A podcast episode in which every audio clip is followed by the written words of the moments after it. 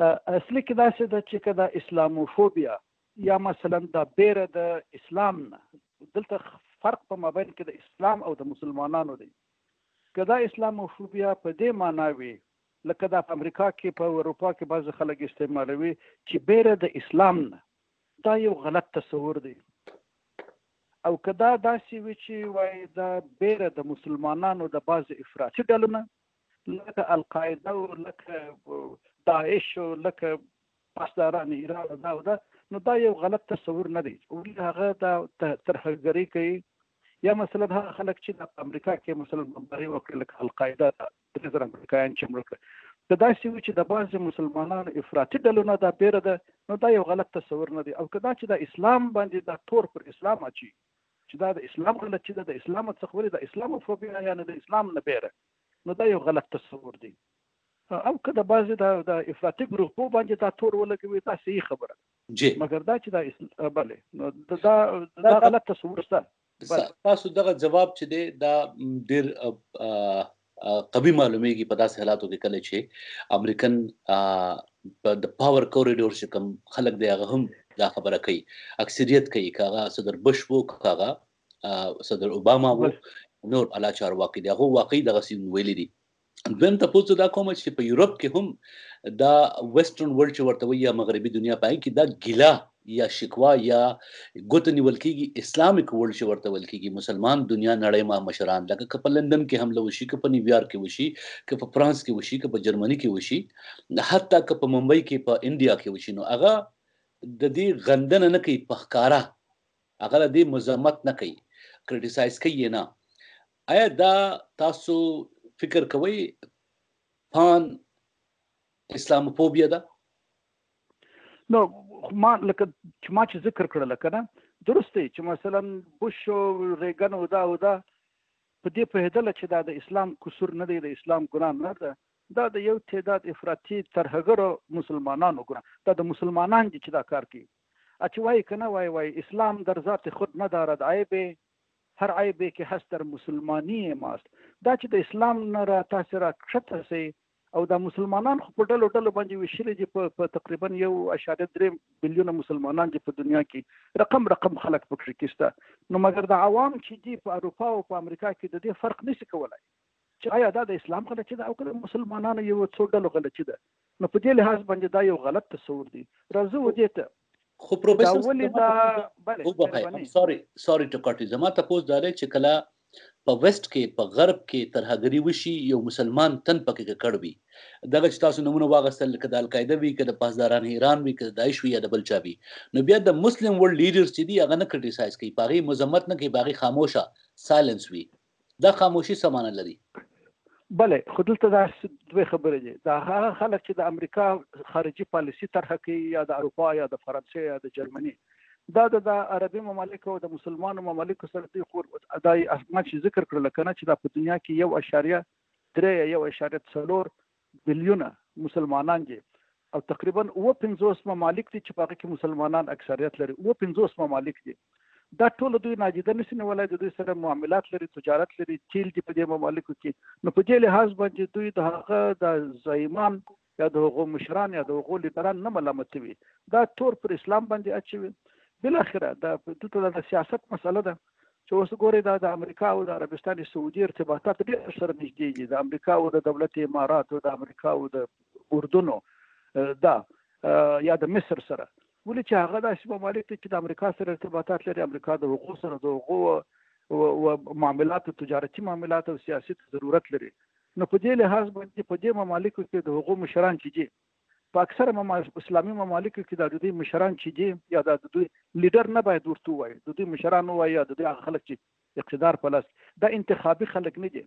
په ډیرو مسلمانو ممالکو کې یا دیکتاتوران دي او یا دا دي چې د خانداني رژیمونه دي زعما دي نو په دې لحاظ باندې هغه د امریکا سره بعضې اقتصادي او دا نور تړونونه لري هغه پر امریکا باندې دغسې انتقاد نه شي کولای چې هغه فکر کوي چې د هغو کورنۍ ته یا د هغو نظام ته مشکلات ورسیږي. نو دا مسئله دلته راځي بیا او سیاست ته.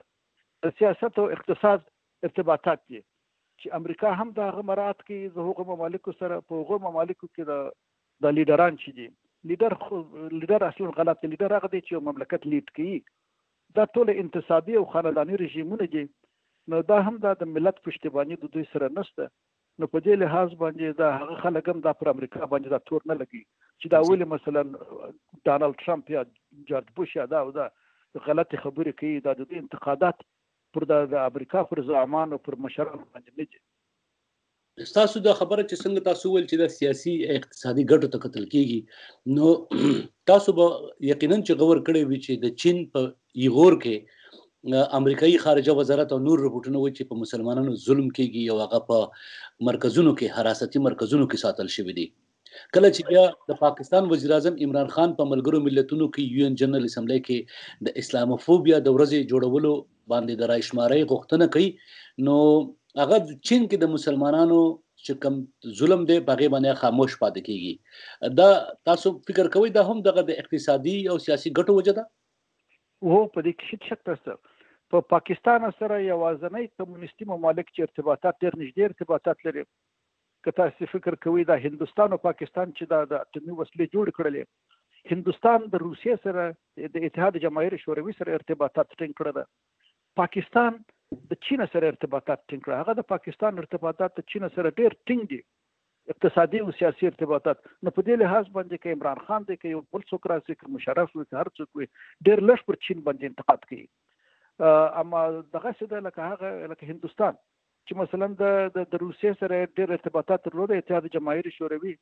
وخت چې اتحاد جماهیر شوروي پر افغانستان باندې حمله وکړه نه حق پر هیڅ باندې دا په هندستان کې اندرا ګاندي صدر اعظم او هغه هیڅ هندستان د دا د روسیې دا د اتحاد جماهیر شوروي حمله یې پر افغانستان باندې ونه غندله په دې خاطر چې د هندوستان او د اتحاد جماهیر شوروي ارتباطات ډېر سره ډېر نږدې و اوس دا دی په امریکا کې د ډانلډ ټرمپ ارتباطات د پوتین سره ډېر ښه دي ډانلډ ټرمپ پر پوتین باندې هیڅ انتقاد نه کوي هر څه چې پوتین کوي که خلک وژني که نامنګاران وژني د ډانلډ ټرمپ پر هغه باندې انتقاد نه کوي مګر پر چین باندې کوي دا بیا راځو بیا بیا ودې ته چې دا دلته د اقتصادي سیاسي ارتباطات د یو مملکت د بل مملکت سره څومره ښه دي اچې ښه دي دوی دا بعضې شیان نادیده نیسي لکه د عربستان سعودي خاندان هر څه چې امریکا او اسرائیل کوي هغه نادیده نیسي او په دغه وجه ده چې دا د عربستان سعودي او دولت امارات د اردن بحرین هغه خپل ارتباطات د امریکا سره د اسراییل سره ښه ساتي په دې خاطر چې د ایران څخه بیریږي د ایران له بیرې له وجې. ډاکټر علم پاین صاحب د مرکه خو دلته کې ختميږي خو هغه شعر تاسو ویل او فارسی یا درې نو تاسو ته یاد دی هغه شاعر څوک دی او هغه مطلب سره بعض خلک وایي چې دا اقبال دی زما څخه هیر دی دا اسلام در اسلام در ذات خود ندارد عیب هر عیب یې کې هست در مسلمانی یې ماست وخت چې دا راځي د اسلام نه موږ راځو او مسلمانۍ ته په مسلمانۍ کې شیعه او سنی او علوی او علوایز دا او دا ډیر راځي یو څوک علی د خدای په حیث پیژني یا بل څوک چې شي کوي نو دا په مسلمانانو په خپل عیب دی فرقه فرقه دي کنه چې دا موږ تاسو وایي چې دا پیغمبر ویلو چې دا په مسلمانان به دوه اویا یا درې اویا فرقې